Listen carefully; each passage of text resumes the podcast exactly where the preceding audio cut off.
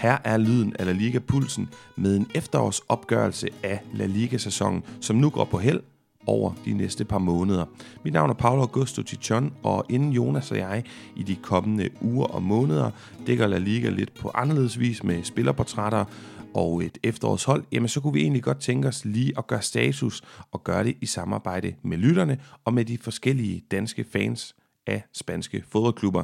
Som jeg har sagt før, så er jeg utroligt taknemmelig, også en lille smule imponeret over, hvor mange danske fans der findes derude af forskellige spanske klubber. I har hørt fra dem før, vi bruger dem, og vil gerne bruge dem noget oftere som eksperter på de hold, de holder med i Spanien i podcasten. Jeg har sagt det før, og jeg siger det gerne igen. Jeg forstår ikke, hvorfor at danske medier, der dækker spansk fodbold, ikke bruger de her folk noget oftere. De holder sig opdateret på lokal presse. De er bedre inde i holdene end nogen andre, fordi de følger dem i tygt og synd. Så uden at bruge mere energi på det, så vil jeg bare sige igen, tusind tak for jeres bidrag. Og lad os starte med, ja, hvor skal vi starte? Hmm, lad os prøve at starte i Sevilla og høre fra de to forskellige repræsentanter for de sevianske hold, Real Betis og Sevilla. Vi starter med den gode Tim Larsen, som jeg forestiller mig ikke er sønderligt imponeret over det efterår, som Sevilla har præsteret. Lad os høre, hvad han har at byde ind med her. Jeg har spurgt alle fans, om ikke de vil give en karakter til deres hold, og så også, om ikke de kan fortælle os lidt om, hvad udfordringerne er, hvad styrkerne er på holdet, og hvilke spillere man skal holde øje med, hvis nu man ikke lige får set det pågældende hold hver eneste runde. Værsgo til Tim Larsen. Sevilla får en absolut bundkarakter for deres sæson indtil videre, og det gør de, fordi de ligger til nedrykning. Og det er jo vanvittigt af en, en klub af, af deres størrelse, at de skal ligge dernede. De har ikke vundet på hjemmebane i den her sæson, og det er ellers meget stærke fort. Ramon Sanchez Pizjuan er jo blevet decimeret til et lejeland, hvor modstanderne kan, har kunne gøre, hvad de nærmest har lyst til. Og øhm, der har været mange kampe mod væsentligt dårligere modstandere, som Sevilla bare ikke har kunne øh, bryde igennem. De spiller meget langsomt. De løber ikke i rum. De, øh, alle vil have bolden i fødderne. Og det øh, kom, bringer dem ikke rigtig nogen vejen desværre. Øh, jeg synes, der mangler noget klar identitet og, og noget hjerte. Og øh, så synes jeg også, at øh, en del af ansvaret ligger hos ledelsen. Den sportslige ledelse, som slet ikke har... Øh, formået at styrke truppen nok til den nye sæson, efter at man solgte nogle store profiler i Jules Koundé og Diego Carlos. Der blev handlet alt for sent ind også, øh, efter sæsonen gik i gang, og øh, ja, det har virkelig øh, bidt dem hårdt bag i. Jeg håber dog på lysere tider, øh, og at der sker noget med truppen over vinter, selvom øh, det nok ikke bliver det helt revolutionerende.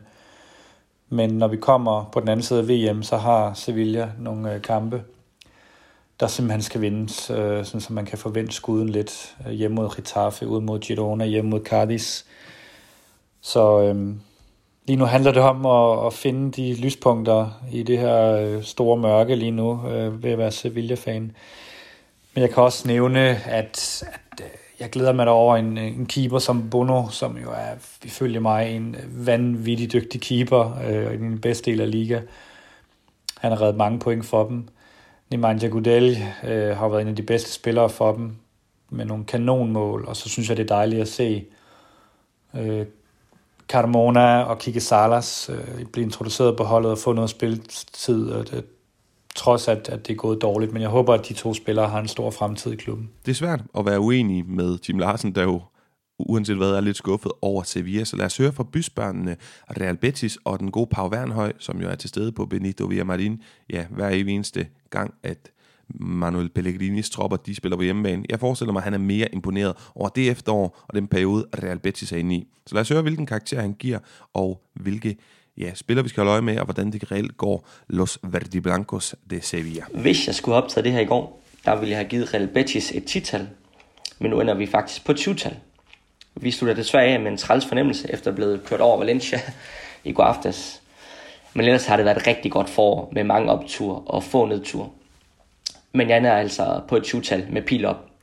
Der har stadig været dårlige kampe, øh, hvor det kunne være blevet til meget mere. Men vi ligger nummer 6 i La Liga, og videre i Europa League, og skal spille Supercup i januar, og der kommer selvfølgelig også Copa del Rey senere på sæsonen. Så det er stadigvæk en rigtig lang sæson.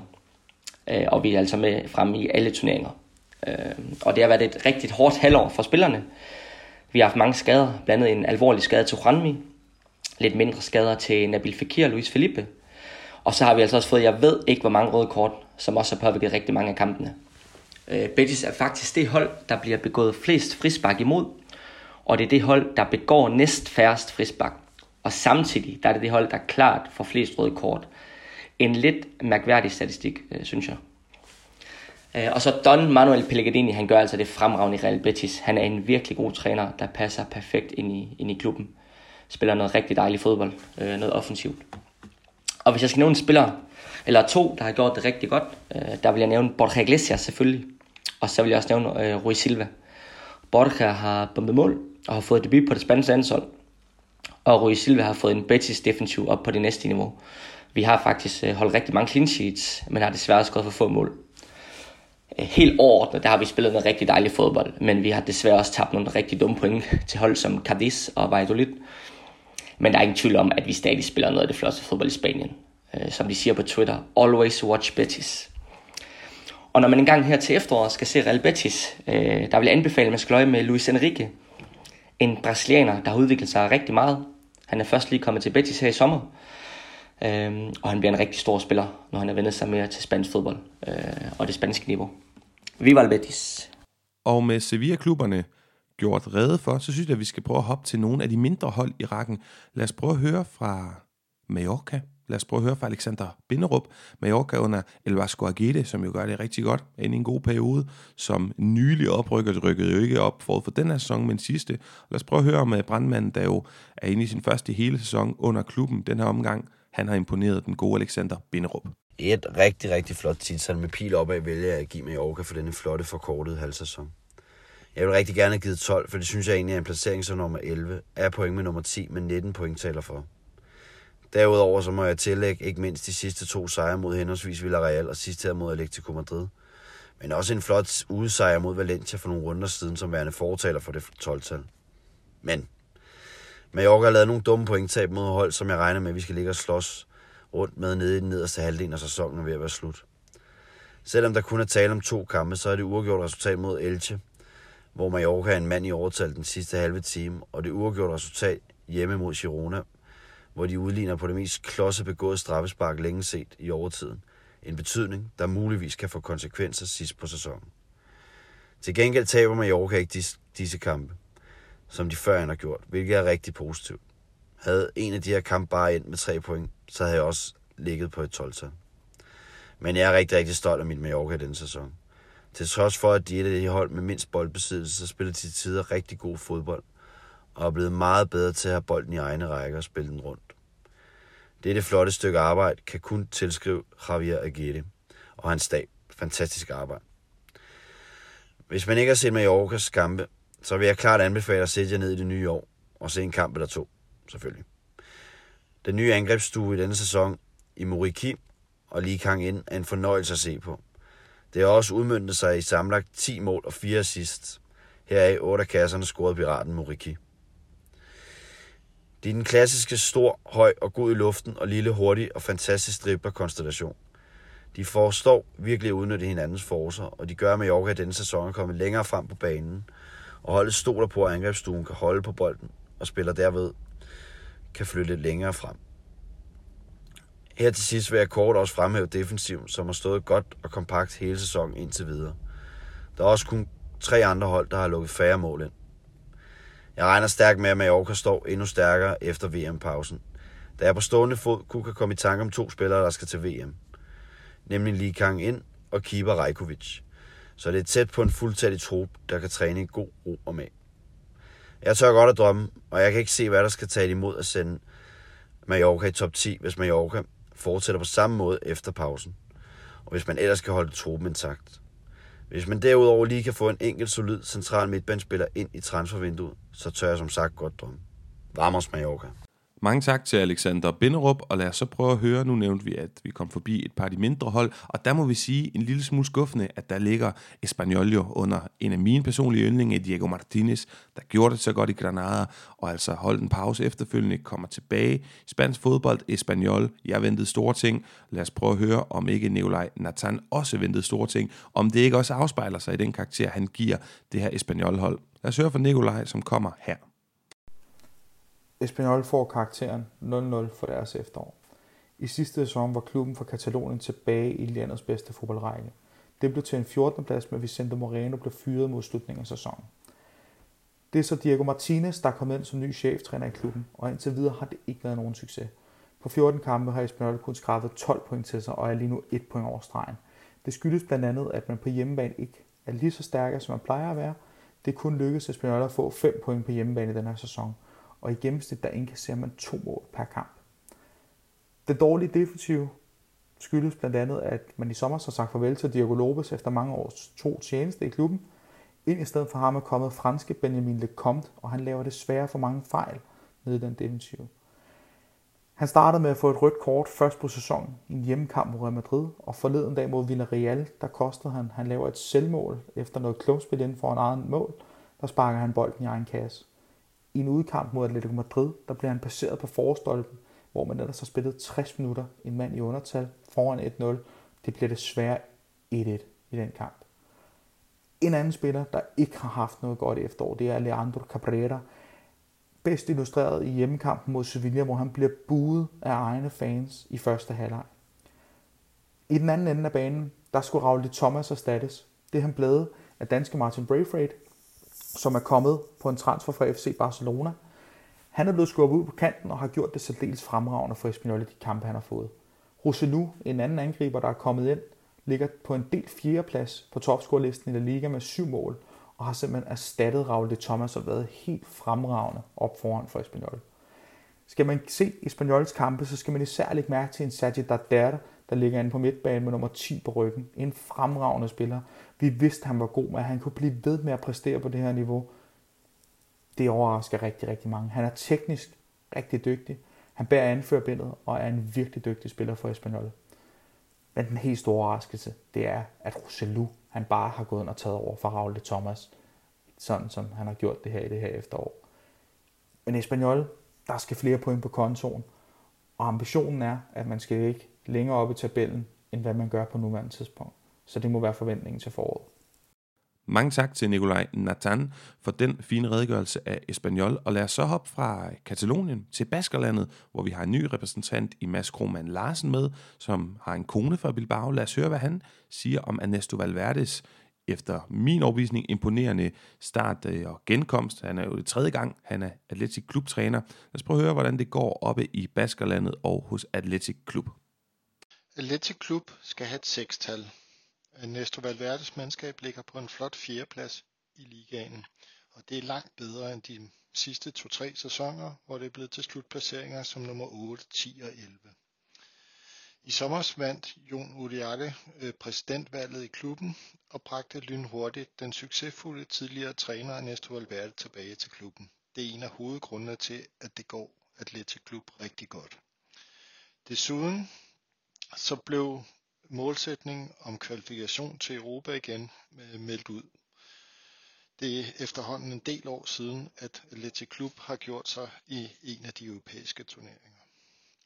Den store udfordring har siden 2020 været at finde angriberne, angriberen med, med mål i støvlerne efter Adis Adulis er stoppet med at spille fodbold. Afløseren er ikke fundet endnu, men øh, Ernesto Albert har gjort et par genistreger, som har gjort Atletic Klub til et meget mere offensivt og scorende hold. Den primære forklaring er en mere offensiv spillestil, men også at flere unge talenter har fået deres deciderede gennembrud på førsteholdet. Hvis man ikke har set Atletic Klub spille, så skal man holde øje med kantspilleren Nico Williams, som er lillebror til Iñaki Williams, øh, som med sin fart og driblinger og indlæg og afslutninger volder modstanderen problemer, ligesom hans bror. De to brødre deler selv sagt kvaliteter, øh, og de udgør oftest en dobbelt trussel, der enten resulterer i mål eller assist eller chancer, men også efterlader rum og muligheder til andre øh, af deres medspillere. Der er simpelthen to flanker, modstanderen skal holde styr på, og ikke bare en. Målene er stadigvæk spredt ud på flere. Atletic Klub har ikke målslu- endnu. Njake Williams bliver det ikke, men han deler topscoreværdigheden PT med fem mål sammen med den tilbagevendte Gorka Gaduseta. Ernesto Valverde har efter min mening øh, gjort en genistreg med at flytte den unge tiger Jan Sunset ned på den centrale midtbane, typisk på 8 positionen. Det gør, at de offensive spillere, både på de tre forreste, men også på den centrale midtbane, virkelig øh, er meget offensive. For mig har Sunset været den store oplevelse, selvom Nico Williams lige er blevet udtaget til den spanske VM-trup. Så han er helt klart en ung spiller, man også skal holde øje med, når man ser Atletic Klub. Den store udfordring er stadigvæk at finde angriberen, målscoren, øh, men det har sikkert udsigter, da Atletic Klub formentlig ikke kan købe en på den position, men selv skal udvikle en spiller, der kan gøre det. I bagkæden har den rutinerede midterforsvar Inigo Martinez, som blev hentet for et dyrt beløb som erstatning for Aymeric Laporte, da han blev solgt til Manchester City. Han har kontraktudløb til sommer øh, og skulle efter rygterne have et muligt skifte til Barcelona på hånden. Personligt så vil jeg glæde mig meget, hvis Atletico Klub kan holde præstationerne fra efteråret øh, ind i foråret og kapre sig en, plus, øh, en plads, så de kan vende tilbage og spille ude i Europa igen.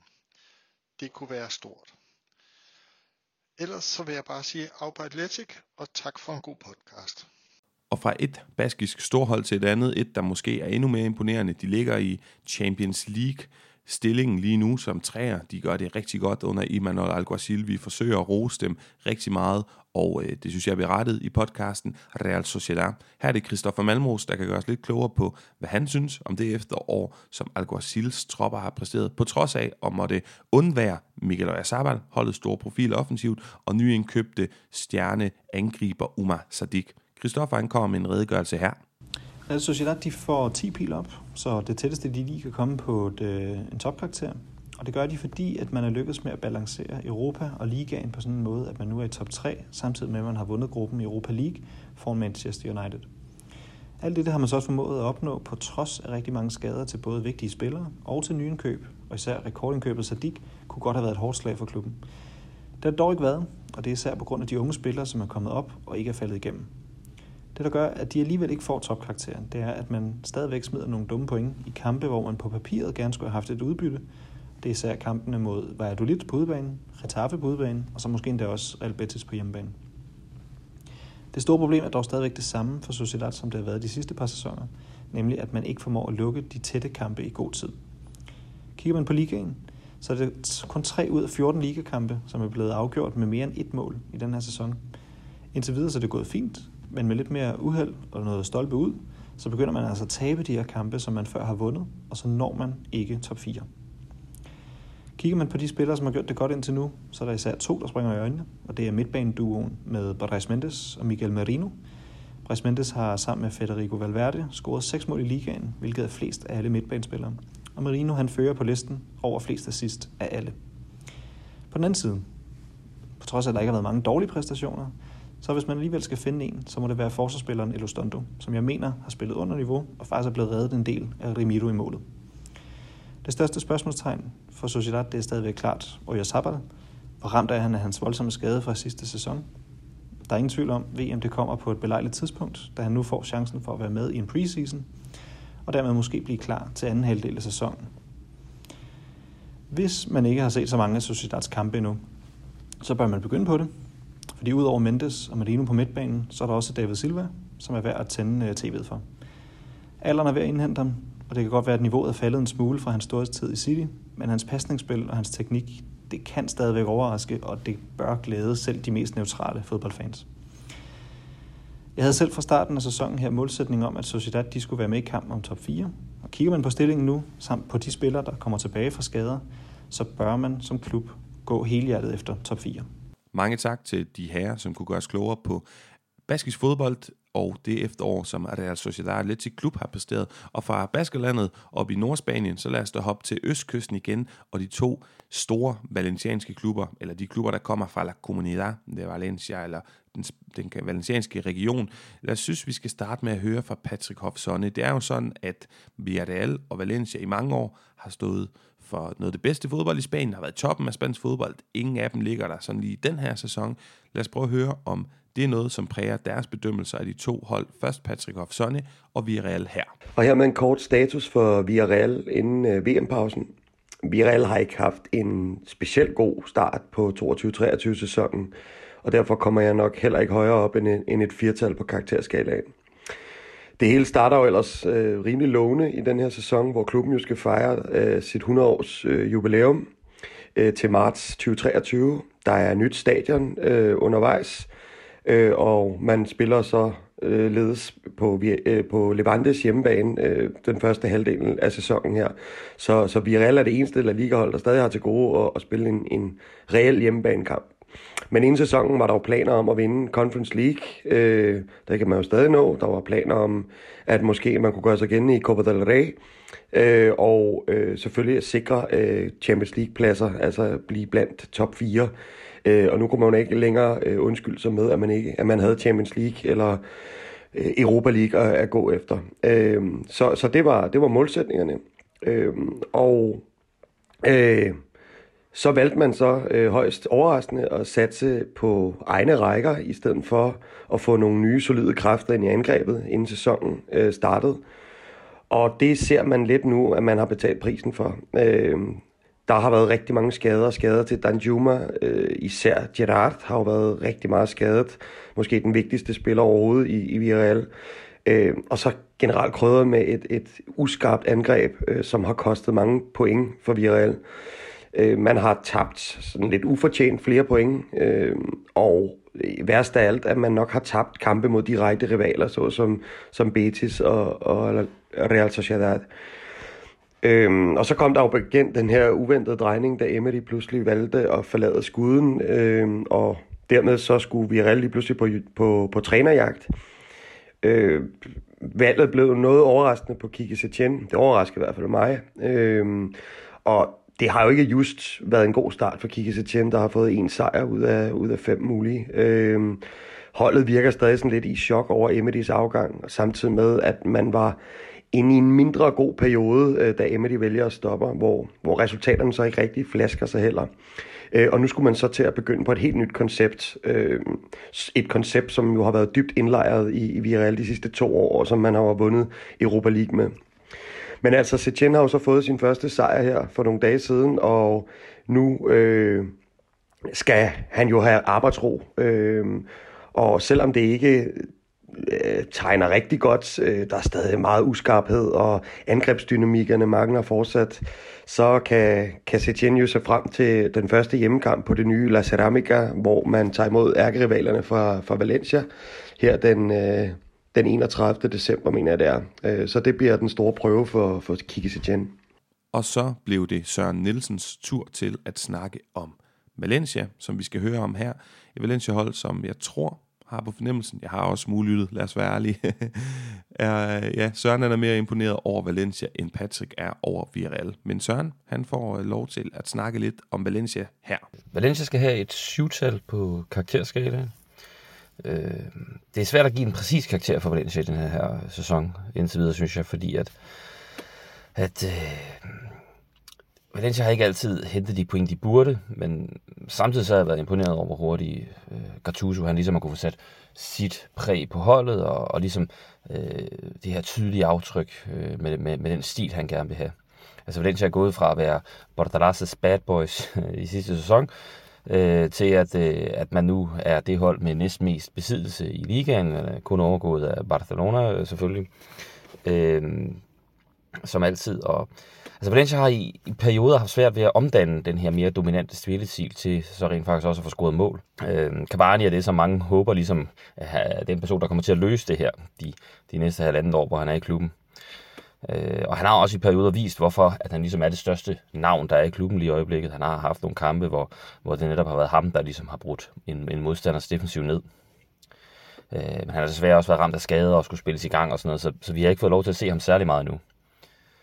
Øh, Valencia er også det yngste hold i ligaen, og der er ligesom en del, der også tyder på nogle gange, at, at man godt kan se det i kampen, at der mangler noget erfaring, når der ligesom skal, skal, øh, skal have noget, ro, have noget ro i kampen, jamen så, så virker det nogle gange til at være sådan lidt febrilsk.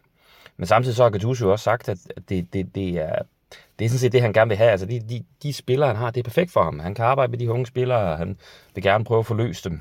Hvis jeg ligesom skal prøve at pege på, på, på, på et nyt navn, så vil jeg lede opmærksomheden hen på, på André Almeida. Øh, han er en ung portugiser, som, som uden problemer har, har ligesom sat sig fuldstændig tungt på en plads i Valencia startopstilling på midtbanen, og, og hvis man hører på nogle af de andre spillere og deres interviews en gang imellem, så siger de faktisk, at André Almeida, jamen det er jo ham, der aldrig laver en fejl i træning og sådan noget. Og, og når han så gør det godt i kampene, så siger de, ja, jamen, han gør bare det, vi ser til træning.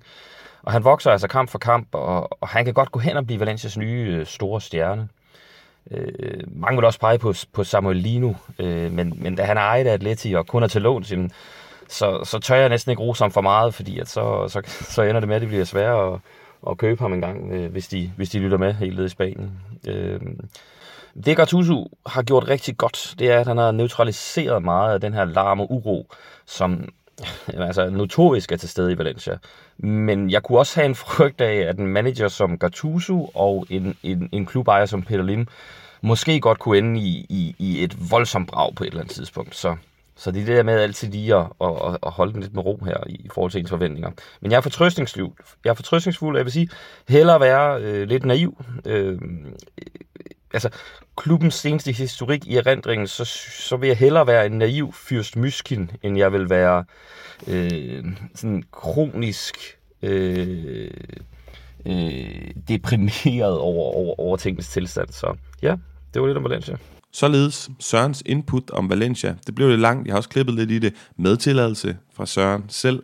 Jeg bad jo faktisk alle om at holde det på cirka to minutter. Jeg ved godt, det er en svær øvelse, og ingen kritik af dem, som øh, har mere på hjertet. Det tror jeg, de alle sammen har. Men det kan også blive lidt langhåret at høre på 5 minutter fra 13 forskellige inputs. Men i hvert fald mange tak til Søren, som jo også bekræfter lidt, at den positivitet og optimisme, som Jonas og jeg har svært ved sådan helt at tage afstand fra i podcasten, selvom Valencia langt fra er på tidligere tiders højde. Så ser det altså spændende ud under Gattuso. Lad os høre, om det er lige så spændende i de tre store klubber, som vi mangler nu. De tre store klubber, Real Madrid, Atletico og FC Barcelona. Lad os starte med at høre fra Steffen Jensen om FC Barcelona som topper rækken lige pt. Er det tilfældigt, ikke at de topper rækken, men at jeg har gemt dem til sidst? Tja, det ved jeg ikke. Jeg synes, det er mindst lige så spændende, hvis ikke mere spændende at høre lidt fra danske fans af de andre klubber, fordi det jo ikke er dem, der får mest opmærksomhed i medierne. Men selvfølgelig skal vi forbi de tre store klubber i spansk fodbold, altså først Steffen Jensen, der kommer med en redegørelse af FC Barcelonas rigtig flotte liga efterår her. FC Barcelona har haft en yderst godkendt første halvdel af sæsonen, men overvinder på en førsteplads hvilket må sige at være en fornem præstation af Chavis hold, især ovenpå en kaotisk sommer, hvor der var gevaldig gang i svingdøren. Men har i størstedelen af kampene leveret et flot stykke arbejde, og mens hjemmekampen er gået som ventet med en masse sejre, har man samtidig formået at skrabe vigtige sejre hjem på normalt svære udbaner i Sevilla, Valencia og senest i Pamplona mod Osasuna, hvor man fik et tidligt rødt kort. Man har altså haft besnærende sejre på hjemmebaner med flotte præstationer, men har samtidig formået at vinde grimme sejre på udbaner, det lover normalt godt for den videre færd sæsonen, hvis man gerne vil ind ud med den med store mesterskabspokale. Ordnet holdet fungerede enormt godt. Xavi eksperimenterede en del med sammensætningen af start 11, hvilket der i høj grad har været på grund af skader i især forsvaret, hvor man dog ikke er tvivl om, at Araujo og kun det i de kommende mange år bliver et solidt stopperpar. På midten har Pedri og Gavi været faste holdepunkter, og her bliver det spændende at se, om Frenkie de Jong formår at vinde en fast plads på den defensive midtbane efter VM, der er nok ved at indhente legenden Sergio Busquets. I angrebet har Lewandowski som mindre leveret de kasser, som man betalte adskillige millioner for. Dog har Xavi ledt en del efter konstellationerne på kanterne. Her virker Usman Dembélé som det sikreste kort, men hans præcision er stadigvæk svingende. Men hverken Rafinha, Ferdinand Torres eller Ansu Fati kan hævde, at deres præcision har levet op til tidligere tiders høje niveau. Her bliver det spændende at følge med i, hvad Xavi vælger at satse på fremadrettet, eller man fortsætter med at rotere meget mellem de her typer. En overraskelse, som er værd at holde øje med i den her sæson her for både iagtager FC Barcelona og spansk fodbold, har været Alejandro Balde, en nøjefaldende vensterbak, som har huseret en del i højre forsvarsside, hvor Barca jo døje med at finde en holdbar løsning. Men i Balde har man altså en mand, der kommer til at sætte sig på venstrebakken i de næste 10-12 år, hvis ikke mere, og spørgsmålet lige nu er også, om man kan klemme sig med i Luis Enriques spanske VM-trup. Jeg ender samlet på karakter 10 til Barcelona, jeg havde ikke forventet, at Barca ville overvinde som et af foran Real Madrid, som man jo også tabte El Clasico til. Og der er stadigvæk usikre momenter i spillet, og fiaskoen i Champions League gør også, at vi kan komme helt op på en 12'er. Men der er rigtig mange ting, som er ved at hæfte sig ved, og som er ved at arbejde videre med i den resterende del af sæsonen. Mange tak til Steffen og FC Barcelona, som vi ved rimer jo på Real Madrid. Sådan mere eller mindre. Ikke så meget fonetisk, men naturligvis skal man ikke sige FC Barcelona uden at sige Real Madrid. Det er de to, der ligner, at de skal duellere om det her spanske mesterskab, både fordi det er de to største klubber i Spanien, men selvfølgelig også fordi de pointmæssigt ligger så tæt på hinanden. Så lad os høre, hvad Anders Kajet han kan fortælle os om Real Madrid, hvilken karakter han giver, hvem vi skal holde øje med, og sådan hans generelle tanker om Real Madrids efterår. Det kommer her. 14 kampe er blevet spillet i Liga, 11 sejre, 2 uafgjorte, et nederlag. Derudover har man som det eneste spanske hold sikret sig videre avancement i Champions League, noget man gjorde som nummer 1. De forsvarende spanske og europæiske mester skal have et syvtal for den her efterårssæson. En karakter, som for nogen kan lyde hård, men jeg vælger at give Real Madrid den her karakter grundet en, en ganske broet afslutning på efterårssæsonen, som har betydet, at man ligger to point efter FC Barcelona. Øhm, en efterårssæson, som i det store hele har været ganske habil og med, med fine resultater. Øh, men grundet ja, den her dårlige afslutning, som, som jeg nævnte før, hvor der er gået lidt VM-feber i den, så, øh, så bliver helhedsindtrykket noget ødelagt. Øhm, det, som har fungeret bedst for Real Madrid, det er, at man fremstår som en utrolig homogen enhed, øh, som, som ved, hvornår man skal skrue op og ned på knapperne, hvornår skal der lægges lidt ekstra tryk på, så man kan få scoret det nødvendige mål, hvornår kan man tillade sig at stå nede i defensiven og lade modstanderholdet have den, og hvornår kan man bare køre den kuglen øh, rundt øh, blandt holdet. Øh,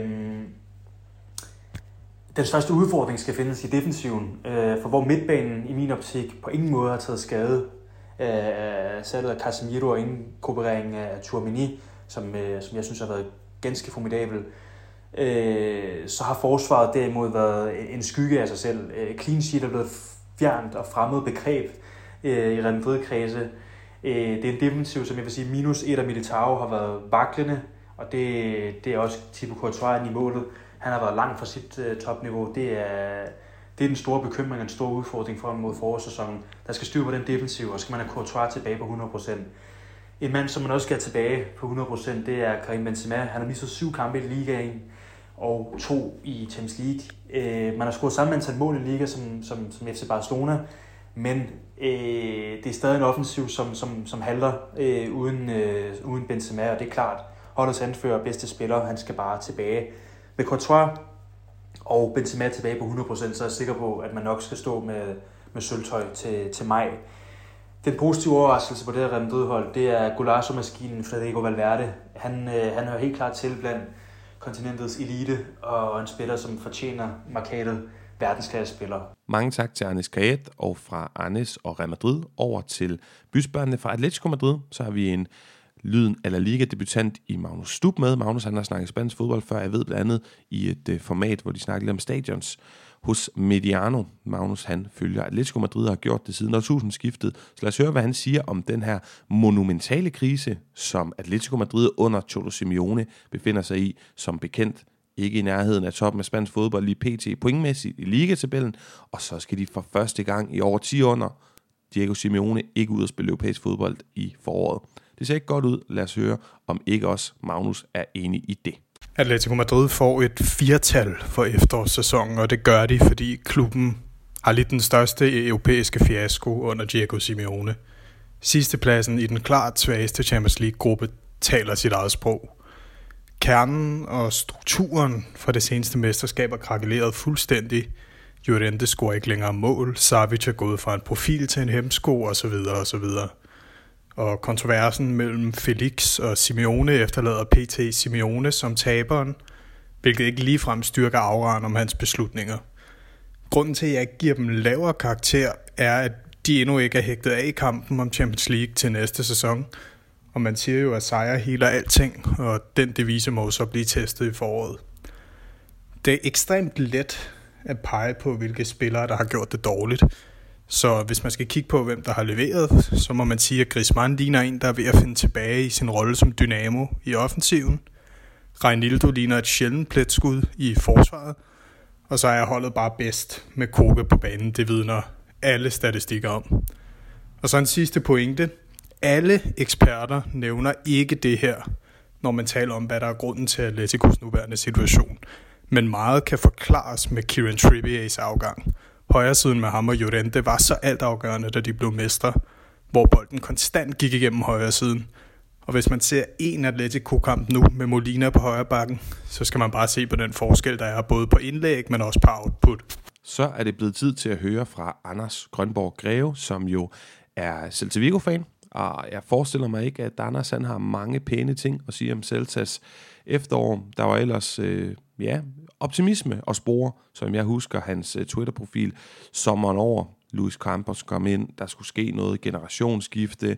Man har selvfølgelig stadigvæk Iago Aspas, der er en af de allerbedste fodboldspillere i hele Spanien, selvom han jo er ved at være oppe i årene. Har også leveret et fint efterår. Men lad os høre, om han kan redde en god karakter til Celta Vigo. Jeg forestiller mig det ikke.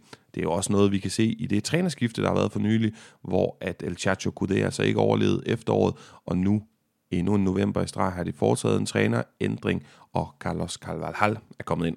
Vi hører fra Anders her. Celta skal have et 0-2 for deres præstationer her i efteråret. Så det er bestået, men heller ikke meget mere end det. Øhm, vi har fået ny træner i Carvalhal. Det bliver spændende at følge ham, men der har været en del uenighed på ledelsesgangen.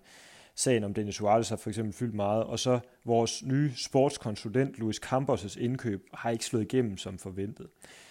Aspas er stadigvæk den spiller, som er bannerfører for det her hold. Han er jævnt dygtig stadigvæk. Han gør det godt i de fleste kampe. Det er også derfor, at målene kommer. Men det er selvfølgelig også et stort sats at satse på en 35-årig øh, angriber. Josef du har været et positivt indslag. Øh, han har tidligere været meget kritiseret, men der er kommet færre udfald. Han er blevet meget mere sikker i sin indgreb og positionering. Og den her råstyrke, som han utvivlsomt har, den er han også blevet bedre til at, at styre, så han er en af de få lyspunkter. Og så er der Gabriel Vega, som er det her unge midtbanespiller, en meget naturlig aftager til, til de roller, som Dennis Suarez og Plejs Mendes havde på holdet. Han bliver spændende at følge. Oscar, som er et af de her Luis Campos indkøb, han har skuffet. Det var en, man måske havde lidt forventninger til at kunne komme ind og løfte holdet på grund af hans CV, men det har ikke været tilfældet. Ugo Mayo har været shaky på højre bak, og øh, Martissini målet. Han har lukket alt for mange mål ind, og har også vist nogle usikre hænder. Øh, jeg tror også, der er en mental side, som han ikke helt er, har, øh, har fået på plads endnu. Javi Galán over på den modsatte side, han, øh, han skal helt klart forløses noget mere. Han har været øh, ikke nær så god som i sidste sæson, hvor han var rygtet til Barcelona. Men man, forhåbentlig så kan et tremandsforsvar, som der er blevet eksperimenteret med i det her 0-0-kamp mod Rayo, at øh, det kan være, at det, det forløser ham. Jørgen Strand Larsen op foran, han har ikke scoret mål, han gør det godt, god arbejdsindsats, øh, men, men det er spændende, hvor lang snor han har, inden, øh, så længe målen ikke er kommet. Beltran og Tabia inde på midten. Der er stadigvæk kamp om, hvem af de to, der er den foretrukne. Øhm, og de skal i hvert fald ikke spille på samme tid, så, så der er en, en, en usikkerhed der også. Det, der skal fungere for Celta i, i foråret, det er, at Carvalhal bliver ved med at have en tilpasningstilgang, kan man sige, til, til modstanderen. Sæt holdet ud fra modstanderen og være mere pragmatisk anlagt. Det lykkedes mod Rayo, et svært hold, som man får 0-0 mod på Vallecas. Øh, og så er det vigtigt, at han, han, ligesom han allerede har gjort, tør inddrage flere spillere i den her kamp om pladserne i startopstillingen. Det var simpelthen for sikkert under Kudet, hvem der startede inden, og det blev lidt uledet i søvn. Det vil helt klart gøre noget for motivationen, det her med at få roteret mere og få, øh, få inddraget flere spillere. Nogle af de spillere, der kan blive inddraget, det kunne være Miguel Rodriguez fra B-holdet, øh, Hugo Alvarez, en ung midtbanespiller, som galiserne dernede øh, håber meget på at se mere til. Og så er der Pablo Duran, som har fået nogle indhop her på det sidste og klarer sig overraskende godt. Han kunne være en spiller, der gik ind og overtog fra Oscar og, og blev en, en stille overraskelse på holdet. Så forhåbentlig mere øh, kamp om pladserne og mere tilpasning i forhold til modtageren. Så håber vi på et bedre forår. Mange tak til Anders for den fine udlægning. Og så mangler vi kun rosinen i pølseenden, den gode Jan Jensen, som har været rigtig sød at øh, sende et skriftligt bidrag. Han har foretrukket at øh, skrive, og så kan jeg jo lige fortælle, hvad det er, Jan Jensen, der følger Rayo Vallecano, han har skrevet. Han har skrevet, Rayo Vallecano skal have et tital. Klubben har ligesom sidste sæson overpræsteret i den første del af sæsonen, kulminerende med den flotte 3-2-sejr over naboerne fra Chamartin, altså Real Madrid, mandag aften i Vallecas. Også de uafgjorte kampe på Camp Nou og Metropolitano bør nævnes, og så vinder Rayo bare de kampe, som skal vindes. Blandt andet over Elche Cadiz hjemme i Vallecas, som sikrer, at nedrykning ikke bliver et tema. Man finder ikke de store overraskelser på og omkring rejeholdet.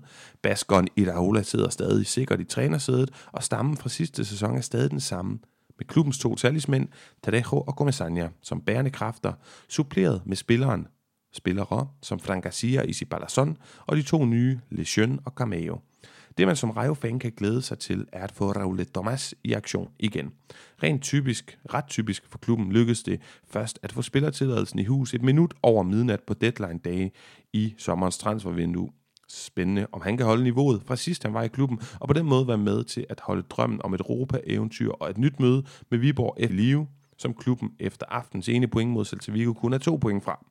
Det der er skrevet på en aften, hvor min hjemby netop har slået Herning i kast i pokalen. Med venlig hilsen, Jan Jensen. Og Jan, jeg kan kun være enig med dig og sige, lad os få Rayo ud i Europa, lad os få dem til Danmark. Hvor ville det være fantastisk. Og med det, så slutter vi podcasten for i dag. Tusind, tusind tak til alle de her dygtige bidragydere. Jeg ved flere af dem, hvis ikke alle lytter til podcasten. Tusind tak for det også. Tak fordi I vil være med til at gøre mig og lytterne klogere på de her 13 forskellige hold. Og hvis der sidder nogen og lytter til podcasten og er fan eller følger et af de hold, der ikke er nævnt, må I meget gerne sige til, så kan vi bruge jer i fremtidige episoder. Men med det, så lukker vi altså ned, og så kommer der meget mere indhold for os i de kommende uger. Blandt andet skal Jonas og jeg have sat et efterårshold. Så vi lyttes altså ved, kære lytter. Tak for nu.